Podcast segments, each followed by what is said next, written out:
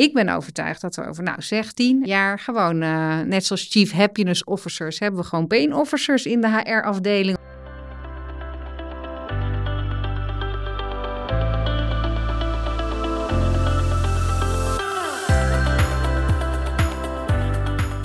Leuk dat je luistert en welkom bij de Pioniers van de Vooruitgang podcast.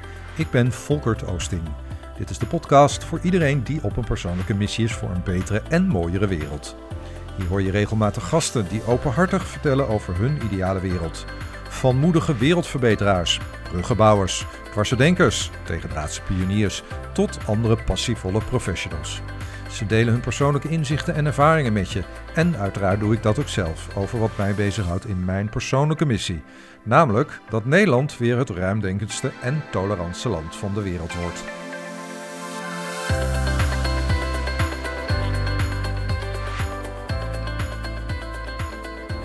Mathilde, welkom. Ik vond het zo leuk om dat woord antameren te lezen. Zo'n echt lekker ouderwets woord.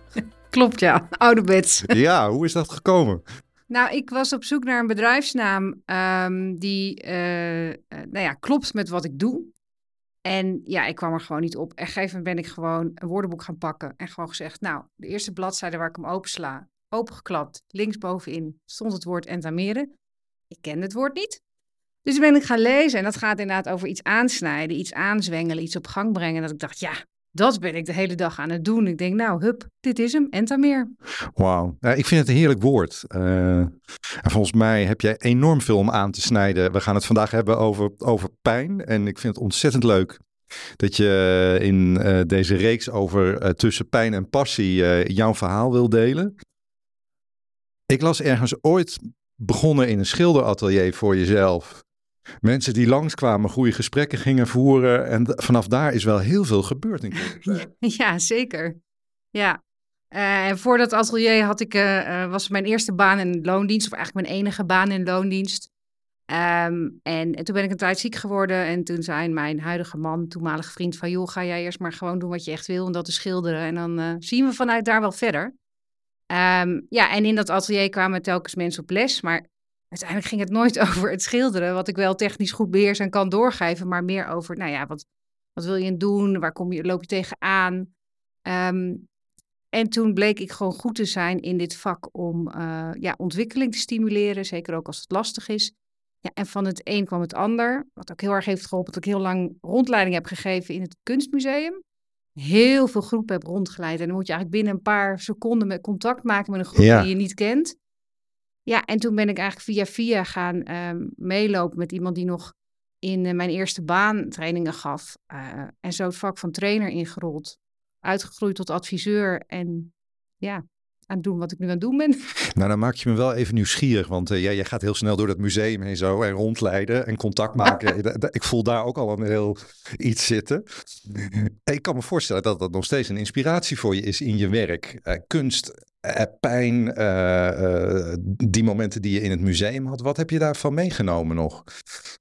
Ja, ik denk dat, ik weet niet of het museum zelf, maar zeg maar, ik heb ook echt kunstacademie gedaan en zelf geschilderd. En vooral het, ja, het, het maken van zelfportretten. Je wordt op een kunstacademie best op jezelf gewezen. Ik ging er op mijn achttiende heen. Dat relatief jong. De gemiddelde leeftijd was 25.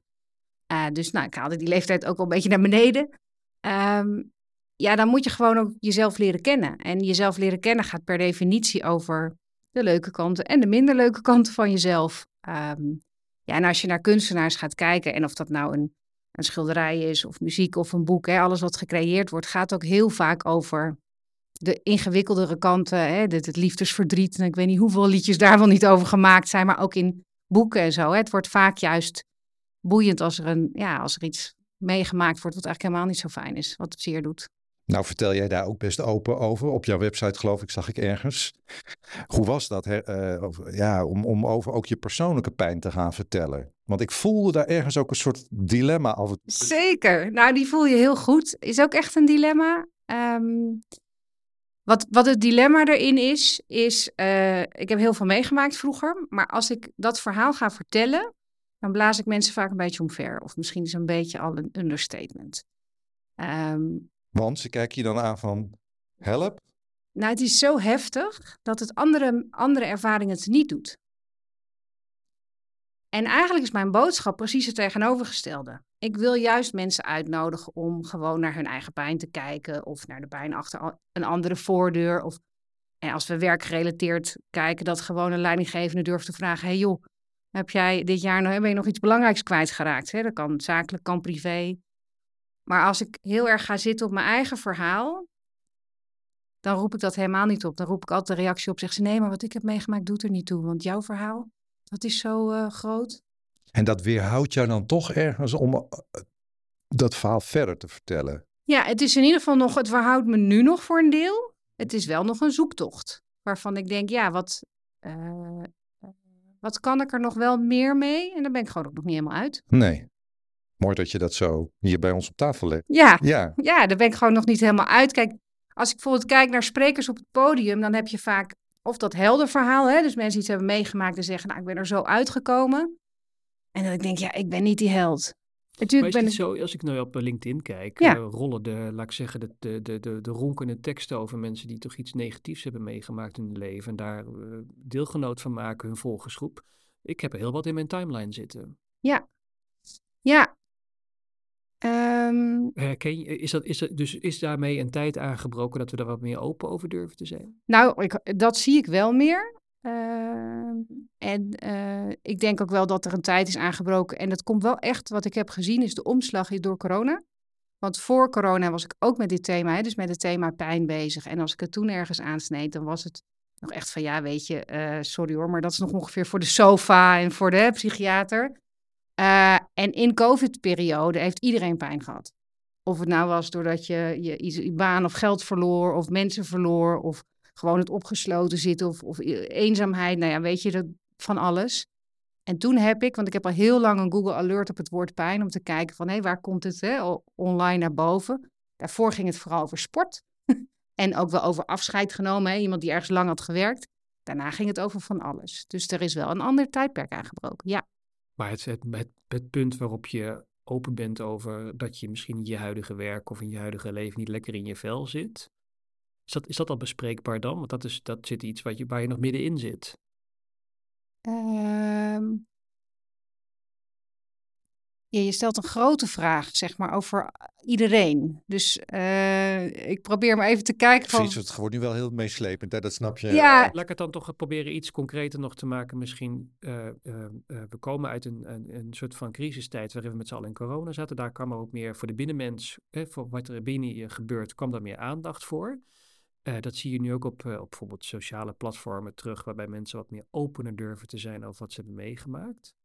Maar wat ze hebben meegemaakt. En de vraag is een beetje, is er al aandacht voor dat mensen ook open durven te zijn over wat, waar ze nu in zitten?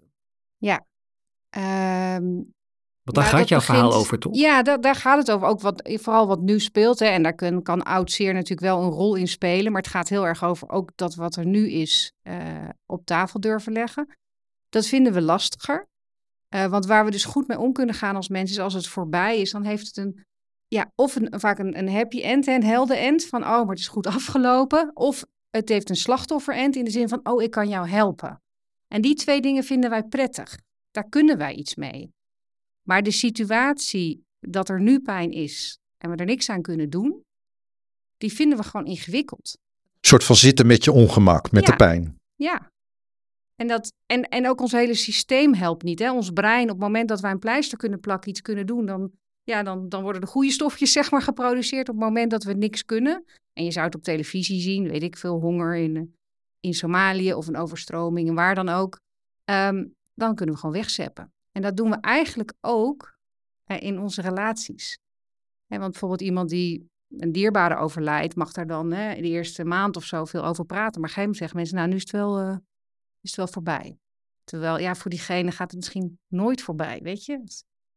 Ja, en um, zegt dat misschien ook iets over dat, hè, dat ongemak, nog even over dat ongemak van pijn. En ook zoals jij hem zelf ervaart, wat ik ook wel herken. Ik bedoel, ik heb ook mijn verhaal, ook mijn pijn. Uh, en en het zoeken van wanneer deel je dat nou? En met wie misschien wel. Uh, daar zit misschien ook soms een beetje schroom op. Nou werk jij dagelijks met pijn in organisaties. En je hebt een soort van fascinatie voor pijn volgens mij. Dus ik ben toch wel heel benieuwd in die zoektocht van jezelf. Hoe zakelijk of persoonlijk... Um, nou, laat ik het anders zeggen. Hoe, hoe loopt dat door elkaar? Want je werkt met mensen en dat is natuurlijk gewoon je vak. Jij uh, begeleidt organisaties op het gebied van pijnmanagement. Maar je hebt ook je eigen verhaal waar je soms nog zoekend in bent. Loopt dat door elkaar of kun je dat wel redelijk gescheiden houden? Nee, dat kan ik wel gescheiden houden, want als ik ergens ben voor een opdracht, ben ik niet voor mijn eigen verhaal daar. Tenzij ze zeggen, joh, we willen dat je je persoonlijke verhaal komt vertellen ter inspiratie. Uh, maar wat natuurlijk wel onwijs erin helpt, is dat omdat ik zelf uh, zoveel zoek, hè, zoveel soul searching gedaan heb naar die pijn, is dat ik wel heel makkelijk kan invoelen en me eh, inleven. Omdat ik denk, ja, heel veel dingen zijn gewoon herkenbaar. Ondanks dat het een hele andere situatie is. Maar het gaat in dat soort momenten echt niet over mij. Uh, en het makkelijker daarin is, is wat ik gedaan heb, is echt zoeken naar taal voor pijn. Omdat we dat gewoon heel weinig hebben. Als mensen nu, als ik zeg, joh, ik heb een pijnexpertise, zeggen ze, oh, wat voor een pijn? Lichamelijk, mentaal, emotioneel. En dan zeg ik, oh, nou, dat onderscheid maak ik al helemaal niet, want dat loopt door elkaar. Weet je, er kan iets gebeuren wat helemaal niet fysiek is, maar je kan er wel buikpijn of hoofdpijn of wat dan ook van krijgen. Dus ik geef taal door, hè, door, door te kijken naar uh, verlies of naar onvervuld verlangen. Ja, en die taal helpt anderen om naar hun pijn toe te gaan, maar helpt mij ook om daar professioneel bij te blijven. Taal helpt om pijn bespreekbaar te maken, zeg je ja. eigenlijk. Ja. Dus daarin ben jij ook wel vanuit de persoonlijke gedrevenheid bezig om het taboe misschien een beetje van pijn te halen? Ja, zeker. Want jij zegt, die lacht en zegt ja, er is een groot taboe op. Ik vind dat wel namelijk. Ja, het zit zeker. We, moeten we hebben het alsmaar over passie. Maar ik schreef geloof ik op, ergens op mijn eigen timeline van de week van uh, de keerzijde in de Bijbel van uh, passie is het, het grote lijden. Nou, dat willen we natuurlijk niet met z'n allen. Maar daar gaat het wel over in organisaties vooral ook waar jij komt. Ja, en dat, ik heb wel even een beetje vrede moeten vinden met dat taboe doorbreken hoor. Want uh, de eerste keer dat ik ontdekte dat ik heel veel wist over pijn op zakelijk gebied, was toen ik dus, ik kreeg allemaal terug uit de um, evaluatieformulieren, dat ik zo goed mijn vinger op de zere plek kon leggen. En toen zei dus een collega, Petra, die zei tegen mij, ja, maar jij weet ook echt heel veel van pijn. Jij bent daar expert in. Nou, toen ben ik geloof ik bijna een jaar boos geweest. Dus hè, toen ben ik me wel ondertussen gaan verdiepen. Hè, wat bedoelt ze hier nu mee? Maar ik dacht, hemel, wat heb ik nou weer voor een thema aan mijn fiets hangen? um, dat bleek voor jou een eye-opener te zijn eigenlijk nou, ik wist het van binnen, maar om het te adopteren als thema, dat vond ik wel echt een, uh, een ding. Ook omdat ik wist, oh, maar dan, dan komt dat persoonlijke verhaal. Dit soort vragen ga ik krijgen. Hoe ga ik daar dan mee om? Wat ga ik daarmee doen? Weet je, hoeveel vertel ik daarover? Had ik toen allemaal nog niet. Weet je, dat was allemaal nieuw. Um, maar ook gaandeweg die ontdekking, want ik ben daar toen met mensen over gaan hebben. Nou, dan krijg je in eerste instantie allemaal opmerkingen, omdat het ook voor COVID was, van dat kan je allemaal niet vermarkten. En ik zou het ongemak noemen. Ik zou het weerstand noemen. En ik zei, ja, maar als ik al dat woord niet in mijn mond durf te nemen, pijn, hoe kan ik dan van iemand anders vragen daar naartoe te bewegen? Dus voor mij was toen zo'n duidelijkheid van ja, en, en realiseerde ik me, ik heb dus een rol te vervullen in dat taboe doorbreken. En dat is, heeft wel heel duidelijke link met mijn jeugd. Heel veel mensen hebben gezien dat bij ons thuis een hele pijnlijke situatie was, maar niemand heeft ingegrepen. En ik denk ook dat ze het niet konden hoor, in dat moment als ik nu terugkijk. Uh, dus een stukje gewoon ja, niet, niet capabel zijn. En daar wil ik mensen echt wel uh, in scholen en bekwamen, zodat we daar, nou ja, in ieder geval dat dat bij anderen anders gaat lopen. En toen begon je kruistocht dus, hè? je begon uh, boeken te schrijven, workshops te geven, je begon eigenlijk het woord pijn te adopteren in je bedrijfsvoering zou je kunnen zeggen. Ja. Dat moet niet makkelijk geweest zijn in het begin. Nee, maar uh, de grap was dat ik eenzelfde vergelijking heb gezien met toen ik voor het eerst in aanraking kwam met geluk. Dat was, even kijken uit mijn hoofd, 2002 of zo. Nee, iets later, 2003. Toen lag denk ik de eerste happiness in de winkel. Toen heb ik ook gezegd, want ik was maar inhoudelijk gaan verdiepen van joh, wat, eh, wat kan je met dat thema? Online uh, seminars gevolgd in Amerika. Maar toen zei ook iedereen geluk, is niet voor de zakelijke markt. Uh, en daar heb ik toen ook zeg maar, op een gegeven moment gedacht, nou, dat laat ik los. Hè. Dat was ook gewoon niet mijn thema. Dat was gewoon deel van mijn onderzoek naar waar, waar gaat het over in, uh, in werk en leven. Maar ja, als je nu kijkt, zijn allemaal Chief Happiness Officers. En omdat ik dat zo gezien had, weet ik, wist ik voor dit thema precies hetzelfde patroon. En we kunnen nog verder terug naar veiligheid op de werkvloer. Nou, begin industriële revolutie was echt geen thema. Kinderen moesten door van die weefgetouwen heen kruipen en uh, weet je. Maar nu. dus je bent dat pionieren geslagen eigenlijk. En dat ben je nu al een paar jaar volgens mij aan het doen. Je boek is ook hetgeen waar we nu ook om tafel zitten. Ligt, hij ligt hier ook op tafel. Um, zure appels. Zure appels. Um, hoe, hoe, begon het voor jou? Want uh, je komt bij die eerste organisaties binnen. Je begon ineens dat woord pijn, denk ik, actief te gebruiken. Ja, Liep je daar liep je ergens tegenaan of omarmde ze je meteen? Nou, ik liep vooral naar buiten. Want uh, een aantal vaste klanten zeiden, ja, dat gaan we niet doen. Want? Ja, nee, dat was, dat was, ze wilden iets leuks doen. Ik zei, maar achteraf ben je blij als ik het doe? Ja, maar dat is dan achteraf. En, uh, maar als het zo prominent in de offerte staat, dan, uh, dan willen we dat niet. Dus, maar ja, inmiddels had ik natuurlijk zelf die hele worsteling al gehad. En was voor mij de overtuiging, ja, dit is het. Dus ja, en toen begon, toen begon het eigenlijk het avontuur voor je bent gewoon toch maar het gaan omarmen. Ja. En uiteindelijk zou je kunnen zeggen, als je nu kijkt naar hoe je, je methodiek in elkaar zit, gaat het over de, de assen besluitvorming, innovatiekracht en, uh, en transitie. Zeg ik het even zo ja. uit de heup. Um, ik zou heel graag even met je willen inzoomen op innovatiekracht. Er zijn natuurlijk veel bedrijven en organisaties die willen vernieuwen, die zien digitalisering, die zien sociale componenten waar ze te weinig mee doen. Uh, misschien een cultuurverandering en een heel andere manier van leiderschap. Waar, uh, je loopt veel bedrijven en organisaties binnen. Waar zit het hem wat jou betreft nu? Waar zit de pijn het meest? Um, nou, als we even kijken op mensniveau, hè, vaak gewoon op werkvloerniveau. Daar te beginnen zit er vaak heel veel pijn in dat mensen een bepaalde rol, status, invulling van hun baan hebben en die verandert. Hè, dus er is echt verlies van je van je, van je functie. Hè? Eh, simpel voorbeeld, zo'n zo zo'n Vitens, zo'n waterbedrijf. Ja, weet je, dat was vroeger zo'n leerling-leermeesterstructuur waar mensen gewoon sleutelden. En op een gegeven moment werd alles digitaal en werden, ja, werden, mensen gewoon rechts ingehaald. Hè? Dus daar zie je, en bijvoorbeeld in de Rotterdamse haven ben ik nu ook in gesprek. Daar zie je gewoon, doordat ze bijvoorbeeld andere uh, loodsbootjes, elektrische loodsbootjes willen. Ja, die mensen die altijd konden sleutelen aan bepaalde bootjes, verliezen status. Dus daar zit echt iets op. Hè. Mensen, hun, hun hele baan en bestaan en waar ze zich mee identificeren, zit een stuk verlies. Um, en daarnaast zie ik, en dat wisselt wel heel erg per organisatie, maar een van de onderdelen in pijn is niet alleen het hebben van pijn, maar ook soms het goed pijn doen, is dat leiderschap gewoon vraagt om uh, pittige besluiten, zeker als je wil innoveren. Um, en daar blijft vaak ook een hoop liggen. Wat is het pittigste besluit waarvan jij denkt, oh, daar lopen mensen vaak het meest tegen aan? Want het, ze lijken vaak wel op elkaar, valt mij op. Oeh, het pittigste besluit? Oh, dat is echt een hele moeilijke vraag. In, alle, in alles wat ik tegenkom, het pittigste besluit te nemen. Ja, en dan kom ik wel uit uh, waar ik nog tot nu toe nog geen invloed heb, maar wel een droom uh, ligt van, zitten wel in de politiek. Uh, dat daar eh, als we daar een aantal pittige besluiten durven nemen en ook dus durven dat ja, niet iedereen blij is en misschien dat inderdaad de snelweg weer vol staat met tractoren of wat dan ook. Maar juist, bijvoorbeeld zo'n stikstofdossier is er echt een mooi voorbeeld in, is gewoon het vooruitschuiven van, van een pittig besluit. En ik, inhoudelijk kan ik niet zeggen welke het moet zijn, hè, daar zit ik niet goed genoeg voor in de materie, maar daar mis ik dat stuk leiderschap wat we nodig hebben. En wat wordt er dan, uh, nog even inzoomend op het bedrijf, hè, wat Fries net zegt over innovatie. Wat, welk besluit wordt het meeste vermeden, denk je?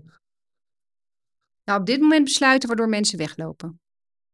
En uh, help me voor, dat, de, dat ze uit het bedrijf gaan of de organisatie? Ja. Ontslag? Ja, nee, nee, dat ze zelf weggaan in de, in de krapte van de arbeidsmarkt, zeg maar. Dus dat, er, uh, dat je een besluit moet nemen om een bepaalde innovatie, hè, dus om uh, uh, bepaalde dingen die eerst handmatig gebeurden, nu gewoon te automatiseren, hè, bijvoorbeeld, waardoor een baan verandert. En dat ze gewoon bang zijn dat mensen daardoor weggaan.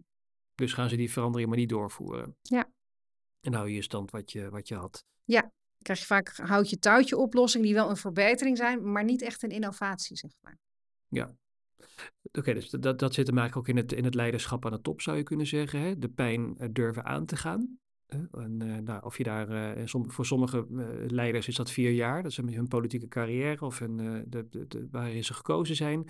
En voor andere bedrijven is het, ik wil niet nu um, gedoe in mijn workforce krijgen, dus ik stel deze beslissing nog maar even een stukje uit. Ja. Um, zie je het ook op teamniveau? Ja. Kan je, kan je eens wat voorbeelden noemen? Bedoel je voor innovatie of Ja, gewoon... eh, Innovatie eigenlijk. dus we eh, gaan we even nu terug naar ja. het willen vernieuwen en, eh, en daarin ook eh, organisaties daarop, eh, bereiden zich daarop voor. Dat kan zijn dat je producten of diensten aanbiedt of dat je in een, eh, in een nieuwe strategie uitrolt. Maar het kan natuurlijk ook zijn dat je zeg maar, een teams formeert die bijvoorbeeld van binnenuit met die vernieuwing aan de slag gaan. Eh, welke pijn zie je op, op teamniveau? Op teamniveau zie ik heel erg de pijn dat we, eh, en dat noem ik dan een pijncultuur. Eh, en als ik dan bij klanten ben, zeggen ze ja, we willen geen pijncultuur. Ik zeg nou, die heb je. Want het gaat namelijk over hoe ga je om met de pijn die er is of die je gaat creëren. Is dat eh, degene die het hardste schreeuwt of het hardste piept, zijn of haar zin krijgt. En als dat iemand is die pro-innovatie is, want er zijn er ook, hè, waardoor juist innovaties enorm hard worden doorgevoerd zonder dat er rekening gehouden wordt bijvoorbeeld met de draagkracht of een team dat überhaupt aan. Maar dat hè, allemaal leuke plannen die veel energie geven, die allemaal vernieuwing zijn, daar heel veel in geïnvesteerd wordt, maar aan de onderkant uitrolt. Dus het kan ook zijn dat het die kant op gaat. Of dat het juist degenen zijn die eh, helemaal niet hè, vernieuwingsgezind zijn, om wat voor reden dan ook. Eh, en dat die lijnen worden gevolgd. En er wordt eigenlijk dus niet gekeken naar, eh, goh, maar wat is hier nou nodig? En hoe snel kunnen we deze innovatie doen in dit team? Hè? Maar er wordt gewoon geluisterd naar degene die het hardste roept, omdat hij pijn heeft. Hoe ga je aan de slag dan? Want ik stel me zo voor, eh, we bellen Mathilde op, die komt dan langs. Ga je dan in workshopvorm de pijn blootleggen? Ga jij de pijn bespreekbaar maken? Ga jij ehm, op een andere manier helpen om iets, iets te veranderen? Want hoe werkt dat dan in de praktijk? Nou, de eerste stap is altijd dat eh, als je met mij wil werken, dat de direct leidinggevende of leidinggevenden betrokken bij een team of een afdeling moeten willen instappen. Want soms krijg ik ook de vraag van, kun jij dit komen oplossen? En dan, ja, nee, dat kan niet, want je moet het met elkaar doen. En de betrouwbaarheid en het, het neerzetten dus van zo'n pijncultuur, hoe gaan we dit doen met elkaar? Als er weer, want er komt, hè, als je aan het innoveren bent, komt geheid een nieuw pijnpunt naar boven ergens. Dat moet je met elkaar gaan doen. Dus dat is altijd stap één. Ehm, en als een leidinggevende eh, instapt, dan is het altijd even de vraag: eh, zit er oudseer in de, in het team of in de afdeling? Eh, want op het moment dat jij nieuwe besluiten gaat nemen en eigenlijk nieuwe pijn gaat doen, wordt altijd oude dingen getriggerd. Ehm, dus dan is het wel heel vaak zo dat we dat oudseer eerst een stukje erkenning en herkenning moeten geven. Want anders, ja, dan blijf je dat telkens tegenkomen. En een beetje flauw, zit je dan in een rondje rond de tafel en zit je daar met de, de tissues op tafel omdat er ook gesnikt wordt? Nou, de grap is dat wat ik doe, is ik doe altijd een, een aantal interviews om de rode draad eruit te halen. En ik vertaal die dus naar dat stukje taal, wat ik zei. Hè. Ik ga eigenlijk alles vertalen naar hebben we het over verlies of over onvervuld verlangen. En omdat dat, dat gaat eigenlijk niet meer over wat iemand voelt, maar meer over de, de oorzaak, over de pijnprikkel. Als ik fysiek zou vertalen, zeg maar, ik kan jullie allebei knijpen en jullie gaan allebei anders voelen, reageren. Ik weet niet of jullie gaan huilen, maar hè, misschien, dat, Er staan tissues hier. misschien dat eentje in tranen uitbarst. En in de gesprekken heb ik wel eens, hè, individueel komen er wel eens tranen vrij, omdat mensen dan natuurlijk geraakt worden. Maar wat ik dan in een plenaire sessie doe, en daar is die leidinggever dan allemaal op voorbereid, hè, wat met elkaar ook over gehad van wat gaan we daarmee doen, gewoon echt op een sheet zetten. Dit is het verlies waar dit team of de afdeling mee te maken heeft gehad of te maken krijgt. En dit zijn onvervulde verlangens. En de grap is dat omdat dat dus de oorzaak is, een soort van onderliggende ja, geheel, uh, geeft dat heel veel erkenning, zonder dat er heel veel emoties nog bij hoeven komen kijken. Omdat de mensen zich heel erg gezien voelen. Ja, dus je kunt eigenlijk uh, iets, iets losmaken bij een team wat uh, tot dan toe daar, daar geen ruimte voor was. En dat kan ook ruimte bieden aan nieuwe dingen. Ja. Ik kan me ook voorstellen dat niet elk team het even leuk vindt om Mathilde binnen te zien komen. Zeker niet. En hoe, gaat, hoe, hoe, hoe werkt dat dan? Want... Wat wordt er tegen je gezegd, Mathilde? Oh, nou wel grappig. We dachten, uh, we dachten dat er een heel nors iemand zou binnenkomen. Of een hele lange dame in een mantelpakje. Kennelijk is, heeft dat ook met pijn te maken. Oh. Dat, ik weet niet waarom, maar... En dan zien ze mij. En nou, ik ben voor de luisteraar niet zo groot, krullen. En over het algemeen lach ik heel veel. En dan zijn ze eigenlijk al een beetje in de war. En dan, en dan ga je met ze aan de slag. En dan op een gegeven moment is het traject afgerond. Dan heb jij jouw workshops, jouw advies. Uh, de taal is gemaakt waar mensen mee, zelf mee verder kunnen. En dan? Nou ja, eigenlijk wat in die, in die taal maken, ga je ook al met de leidinggevende kijken, wat heb je te doen, zeg maar. Dus die leidinggevende gaat daar al anders op acteren. En met het team kan je ook kijken, wat kan je daar zelf in doen. En die stap zetten we ook nog.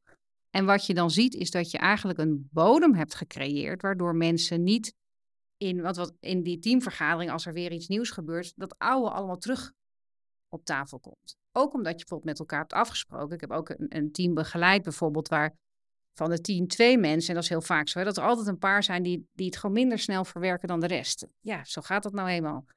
Uh, maar dat je wel dus heel duidelijk met elkaar kan afspreken door het traject. Van joh, maar we hebben hier met elkaar over gehad. Hè? We hebben het vastgepakt. We, we hoeven het, het, is, het is erkend. Maar we spreken wel af dat we het in de collectieve sessies niet meer de hele tijd terug laten komen. Dus het geeft daarmee ook een leidinggevende en een team heel veel ruimte om bijvoorbeeld het over inhoud te hebben met elkaar, over de innovatie of wat er dan ook, hè, uh, de verandering, wat er dan ook ligt. En die personen hoeven niet er overheen te stappen, want je, de leidinggevende geeft wel de ruimte. Dat vind ik ook altijd voorwaardelijk van, joh, één op één mag je altijd bij me ja. erop terugkomen. Want ja, sommigen hebben gewoon meer tijd nodig. Wat zijn de typische vragen die je krijgt als mensen je bellen? Wat, is dan, wat zijn dan de hulpvragen die ze aan je stellen? Nou, veel hulpvragen zijn nog wel echt van, joh, er is heel veel gebeurd. Uh, en het komt telkens terug. Hè? Dus die uh, uh, is nog de meeste. En waar ik steeds meer naartoe ga, is wel inderdaad, we gaan naar een verandering die zeer gaat doen. Kun je met ons de strategie bedenken om in ieder geval, hè, los van dat, hè, bijvoorbeeld in die Rotterdamse haven. We weten dat we iets gaan introduceren waar niet iedereen blij mee is. Maar kunnen we strategisch in onze communicatie, in de veranderstrategie, in ieder geval geen onnodige pijn creëren? Dat vind ik wel fascinerend. Want um, kijk, die pijn, je bent met die pijn bezig, maar uh, pijn blijft. Ja, absoluut.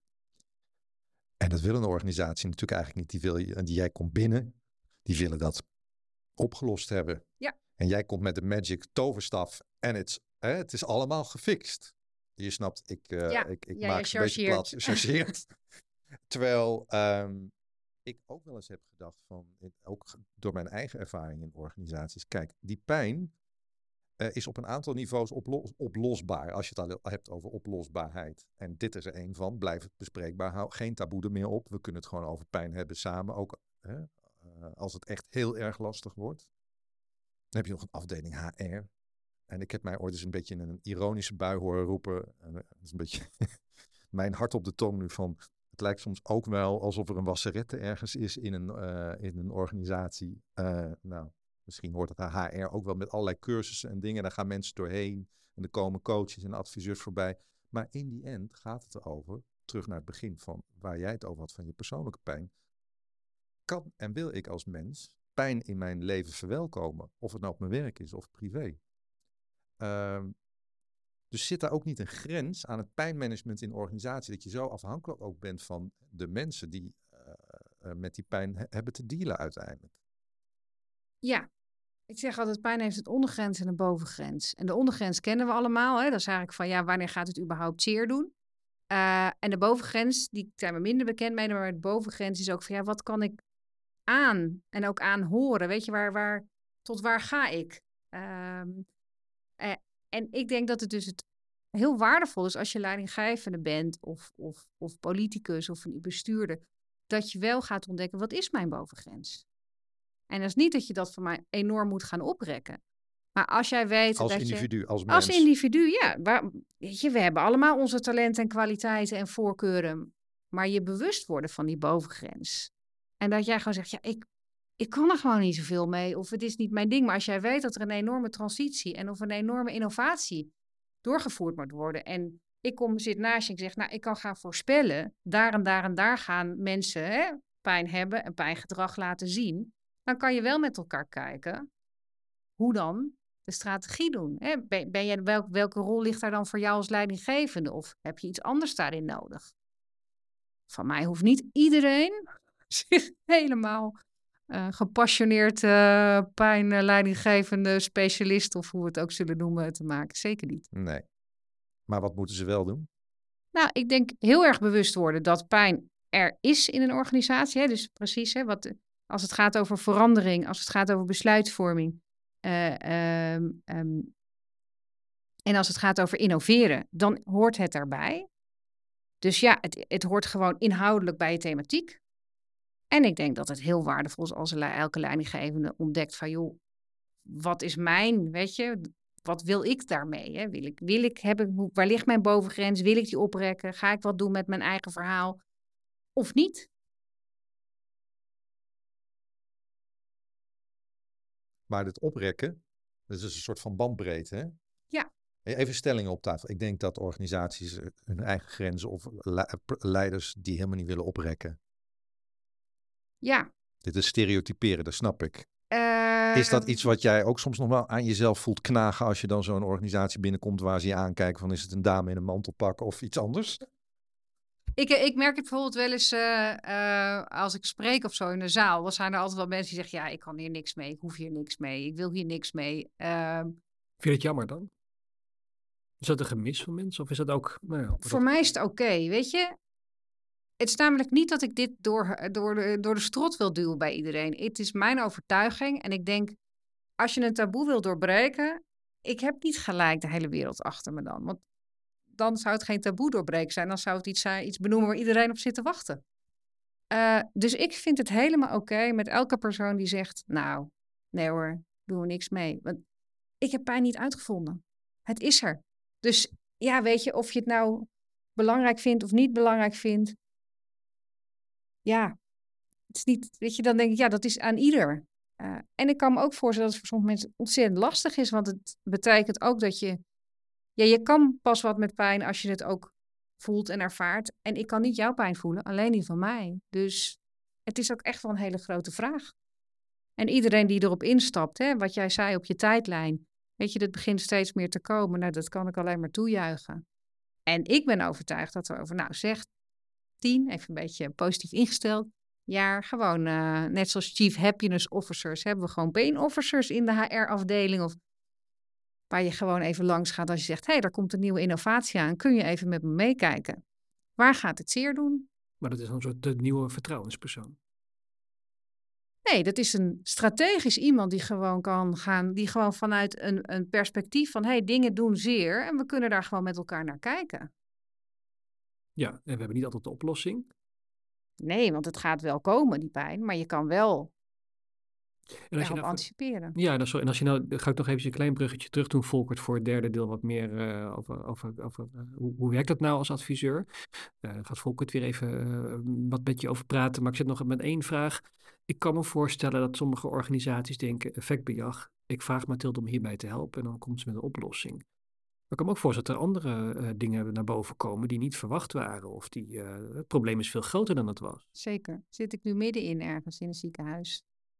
Kan je, kan je zonder de naam te noemen vertellen wat je daar bent tegengekomen dan? Gewoon om het een beetje beeldend te maken. Ja, nou, wat, waar ik op gevraagd was, dat ging over het samenvoegen van eh, in de loop der tijd vier teams. Dus niet in één keer vier teams, maar twee en nog twee teams erbij. Eh, nou, en waarvan de processen, hè, dat is heel vaak dan de reorganisatieprocessen, toch niet goed zijn verlopen en er op een of andere manier veel pijn is. Eh, dus de opdracht ging over oud zeer, wat nog heel erg in het hier en nu speelt. Eh, in de opdracht kwam ik huidig zeer voornamelijk tegen. Waardoor het oud zeer eigenlijk nooit heeft kunnen helen. Zit er ook nog hoor. Eh, maar er is gewoon geen helingstijd geweest, omdat er ehm, nou ja, door zorgbezetting, door heel veel moeten inhalen, heel veel operaties inhalen, eh, ehm, onveilige situaties voor patiënten en daarmee voor personeel. Dus dan kom je inderdaad in een andere opdracht. Ehm, en dat maakt het speelveld wel anders. Maar dan ga ik ook gewoon terug naar mijn opdrachtgever. Dit is de pijn waar je me voor inschakelt. Dit is wat ik tegenkom. Ik ga, weet je, ben ik ook gewoon heel eerlijk. Je kan niet oude pijn laten helen als je in het hier en nu van alles aan het gebeuren is. Dat gaat gewoon niet. En dan beginnen we gewoon waar we moeten beginnen. En dat is in het hier en nu. Ik zit net te denken, eigenlijk moeten we van puin naar pijn ruimen, hè? nou, een beetje flauwe one-liner dit, maar ehm, dat, dat, dat, dat, dat pijnruimen, eh, jij hebt het net over een van je opdrachtgevers. We zien het natuurlijk ook gewoon in onze maatschappij. Ehm, hoe zeggen de antropologen dat het zo mooi? Hè? Er bestaat zoiets als een liminale tijd. Een soort van niemandsland. eh waar je even met z'n allen in zit voordat de echte vernieuwing aanbreekt. bestaat, er, eh, bestaat er vernieuwing zonder pijn? Ik denk het wel als het echt gaat om hele nieuwe dingen scheppen waar nog niks is. Maar op het moment dat het gaat om iets uh, vernieuwen, waarbij het altijd gaat over iets vervangen hè, of iets verplaatsen, of uh, dus vanuit iets bestaans iets anders overheen of naast of op zetten, dan kan dat niet. Nee. Want er zijn altijd mensen aan gehecht, of omdat het, ze het echt prachtig vinden zoals het is, of puur omdat je het kent. Ja. Wat, um, wat, wat is het pijnlijkst wat jij zelf ooit hebt meegemaakt, waarvan je dacht, ik zit hier in een gesprek, dat gaat over die vernieuwing, dat gaat over dat ongemak, waarvan jij in één keer ook een soort dat je je geraakt voelde. Dus dan vraag je eigenlijk het pijnlijkste wat ik heb gevoeld van anderen. Ja, maar wat misschien jouzelf ook uh, uh, raakt. Ik had hier het laatste gesprek over met een, een, iemand ook uit de wereld van de zorg. En ik stelde een vergelijkbare vraag. Je werkt dagelijks met pijn. Er zijn natuurlijk wel momenten dat je die pijn voelt. En je moet door de pijn heen zelf ook ergens, als je geraakt wordt, wil je uh, wil je, je werk goed kunnen blijven doen. Ja. Ja. Ja, ik word in die zin eigenlijk heel vaak geraakt, omdat op het moment, hè, dus niet zo geraakt dat ik, dat ik niet meer kan functioneren, maar op het moment dat iemand, hè, ik ga natuurlijk altijd vragen waar het zeer doet, dat laat zien. Uh, dat is ook gewoon op dat moment de volle waarheid voor diegene. Dus dat vind ik altijd, zeg maar. De, van, dat kan inderdaad van een verpleegkundige zijn die dan um, eigenlijk het meest pijnlijk is, omdat je zegt, ja, ik kan niet de zorg aan de patiënt geven die ik wil leveren, niet de kwaliteit van zorg, weet je, en daar echt van wakker liggen. Uh, dat soort dingen vind ik wel, uh, als je dat ziet, dat, dat schuurt, zeg maar, ook, ook bij mij. Kun je daar iets over zeggen?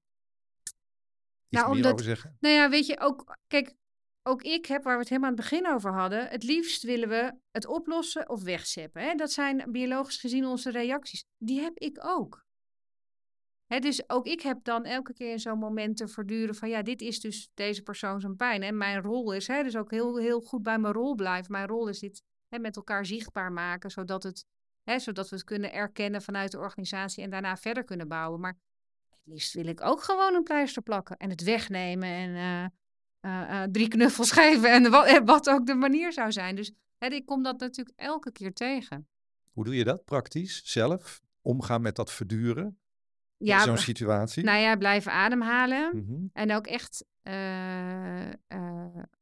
ook echt gewoon af en toe die mantra van, van, van, van, van mijn rol, zeg maar. En, en dat wat mij dan helpt, is ook de taal die ik zelf geef. Gewoon het echt samenvatten. Oké, voor jou betekent dat echt een, een verlies van het leveren van kwaliteit. En een verlangen naar hey, weer terug daar naartoe kunnen. Weer die kwaliteit van zorgen, zodat die patiënt echt gekregen heeft ja. wat hij zou moeten krijgen. En dat samenvatten met die woorden, dan voel ik bij mezelf van, oh ja, dit gaat over de kern en, dat, en die erkenning krijgen van de ander, want dat zie je dan ook bij die ander dat helpt mij om te zeggen, oké, maar ik heb nu hier te pakken, weet je, wat ik ook hier kom doen.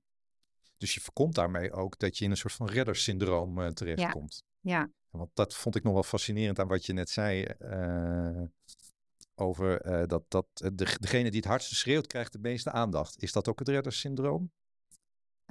nou, ik, ik vind dat meer een onderdeel van, van, van de pijncultuur. Dat we ja, vaak reageren op. Ik heb bijvoorbeeld persoonlijk meegemaakt met onze middelste, die werd gepest op de lagere school. En vanaf groep 4, 5 hebben we daar gesprekken met docenten over gehad. Op een gegeven moment in groep 8, toen waren we er zo klaar mee. En zeiden we, nou jongen, ga jij maar gewoon op hoeken. Ja, weet je, ga maar gewoon slaan en we merken het wel. Dus hij had gemapt en wij bij de directeur. Toen dacht ik, wat zou ik nou zeggen tegen zo'n directeur? En toen vroeg ik, wat weet je eigenlijk over wat er tot nu toe is gebeurd? En toen vertelde zij over de afgelopen twee maanden. Toen zei ik, maar wacht, dit speelt al 4,5 jaar. Oh, dat weet ik niet. Ik zei, nou, dat is interessant. Dat zegt dan iets over jullie organisatie. Want wij hebben al heel veel gesprekken gehad en het zou elke keer doorgegeven worden. En toen stelde ik haar de vraag, wat als ik gillend aan je bureau had gestaan? Had ik dan meer aandacht gekregen? Ja, zei ze. Want jullie staan bekend als hele redelijke ouders. En dacht ik, ja, maar dit, dit is dus precies wat ik in mijn werk aan het veranderen ben. Want als ik dus onredelijk ga zijn en gillend aan je bureau sta en jou over de tafel trek, dan ga je voor mij hollen. En dat, weet je, daar, daar raakt het mij persoonlijk, omdat ik dacht, als ik dus dat gedaan had tegen mijn natuur in, want ik zoek die redelijkheid gewoon in dialoog, kijken of we eruit komen. Wat kunnen we doen? Wat kunnen wij doen? Wat kunnen jullie doen? En dat je denkt, oh, maar dit is dus de cultuur die we creëren met elkaar. En dat is precies waarom ik ook zo gedreven ben, ook als ik lastige momenten in werk, dat, dat moeten we gewoon niet willen met elkaar. Ook dat, dat, lijkt me best wel moeilijk, want organisaties worden steeds groter en eh, fusies en hè, dus ook ziekenhuisorganisaties gaan fuseren. Dan kom je uit met de opdrachten dat allemaal teams samengevoegd worden. En dan blijkt er ineens dat de, de mens, het mensaspect eigenlijk onderbelicht raakt. Hè. Je kunt, hoe groter de organisatie wordt, hoe minder tijd en aandacht er ook is voor het, het, kleine, het sensitieve wat tussen mensen kan spelen of tussen iemand, tussen een individu en een organisatie. Is dat dan jouw oproep om ook daar, daar toch sensitief, sensitievere organisaties te maken? Ja, en, en sensitiever kan ook een verkeerde eh, connotatie krijgen van dat we alleen maar over gevoel zouden moeten praten. Maar het gaat mij uh, meer om dan zou de sensitiviteit zijn om welke, welk gedrag belonen wij nou en welk gedrag belonen we niet. Uh, en als. En dat organiseren in een organisatie op een, goede, op, een, op een goede manier is de oplossing. Nou, dat, ja, en dat, dat komt wel heel veel bij de leidinggevende vandaan. Want als jij bijvoorbeeld altijd zou bij, aan mijn bureau huilend staat over je werkdruk. En ik ga jou dus ontlasten. Maar Volkert is de stille die maar draagt en draagt en draagt. Weet je, dus, dus, dus leidinggevende bewust maken van op welke pijnsignalen, op welk pijngedrag hè, reageer jij hoe en wat beloon je daarmee. Die sensitiviteit, hè, daar bewust van zijn. En daar hoef je dus helemaal niet, hè, als we het hebben over die pijn, bovenpijngrens, allemaal heel deep soul searching naar je eigen pijnverhaal of zo voor te doen, maar gewoon heel bewust zijn van, oh ja, wat beloon ik? En stimuleer ik daardoor in het team? Ja. Wat wil ik eigenlijk voor een gedrag? En dat de aandacht voor pijn dus ook niet verslapt. Nee. Wat mij betreft, ik weet niet, niet alle organisaties hebben nog jaargesprekken, maar vraag gewoon in je bila of je jaargesprek gewoon eens, joh, is er een onvervuld verlangen of ben je iets belangrijks kwijtgeraakt? Maar dat lijkt me dan een beetje weinig één keer per jaar. Nee, ja, niet één keer per jaar, maar het gaat er meer om dat, het, dat mensen het gewoon gaan in. Weet je, je hoeft het niet allemaal extra sessies. Je hoeft ook mij er niet voor in te huren, maar je kan zeg maar het gewoon in je... Op een hele simpele manier in je, in je processen inrichten. Door ja. bewijzen van al één keer per jaar te doen als begin. Ja. En je hoeft, voor je, uh, je hoeft om pijn bespreekbaar te maken, los van de taal hè, die je daarvoor nodig hebt, ook van je hart geen moordkuil te maken. Jij bent ook niet iemand die van je hart een moordkuil maakt, dus vast ook niet in je werk. Klopt dat? Um, ja, ook weer zo'n, jullie stellen van die grote vragen die ik op allerlei manieren kan beantwoorden. Vind je dat een grote vraag? Nou, Vind je hart geen moordkuil maken? Nou, een grote vraag dat ik denk, jeetje, van mijn hart geen moord kan maken. Vraag jij nou naar wanneer ik zeg maar alles zeg wat ik denk? Of moet je gewoon gelijk alles eruit gooien? Of, eh, dus ik ben dan aan het zoeken, wat vraag je nu? Uh, ja, nee, maar is een open vraag. Dat ik ervan, want wat ik wel zelf ervaar in organisaties, dat en je hebt mensen die de boel gaan redden en heel erg, uh, nou ja, reuring maken. En je, hebt, je zei net al iets over de, degene die stil is. Ehm, maar we kunnen er ook normaal over doen en het bespreekbaar maken, het niet opkroppen, uh, onderstromen in teams. Ja, maar ja, ja. En de grap is, als je dus nu een organisatie in gaat zeggen, joh, maak van je hart geen moordkuil, dan zullen dus bepaalde mensen die al dat niet doen zeggen, nou kijk, dat ben ik toch de hele tijd aan het doen en niemand reageert erop. Dus het, het is ook dus juist degene die het opkroppen faciliteren in dat het eruit mag komen. Maar degene die de hele tijd, elk teamoverleg, meer met dat oude pijnpunt komen, een keer zegt, ja, wacht eens even. Dit gaan we nu begrenzen. Want dit, eh, dus het, het, het zit, en dat ook normaal vinden. Is dat ook de lof van jouw rol? Dat je af en toe ook een beetje moet koordansen met die taal en zo. En moet kijken van moet ik het nu een zure appel noemen of een moordkuil of iets anders? Ja, zeker. Ja, ja het, het is wel elke keer zoeken. Maar ik ben een, een, een hobbypuzzelaar, dus... Uh... Ja, ja. Dat is toch die studie van jouw technische milieukunde nog, of niet? Ja, ja dat, uh, ik zeg soms wel, cijfers zijn makkelijker dan mensen. Oké. Dus uh, ja, nee, ik puzzel graag en ik zie ook elke opdracht als een soort puzzel om te kijken van waar, hoe kom je eruit? En ook met de, de leidinggevende die je hebt, weet je, wat kunnen die hierin betekenen? Want het is niet een wasstraat waar je iedereen gewoon bam doorheen gooit en dan ben je klaar. Nee, zeker niet. Laat ik dan toch nog als afronding uh, jou een cijfer vragen. Dat is, uh, dat is een hele flauwe vraag misschien, maar ik ben wel benieuwd hoe jij dan reageert. Dit is een cliffhanger, mensen. Um, welk cijfer zou jij Nederland nu geven, met name organisaties, uh, in hoe ze omgaan met pijn en pijnmanagement? Het cijfer hoe ze omgaan met pijn? Een drie. Een drie? Ja. En, de drie zijn er, is... zijn- zijn er landen in de wereld waar het beter is?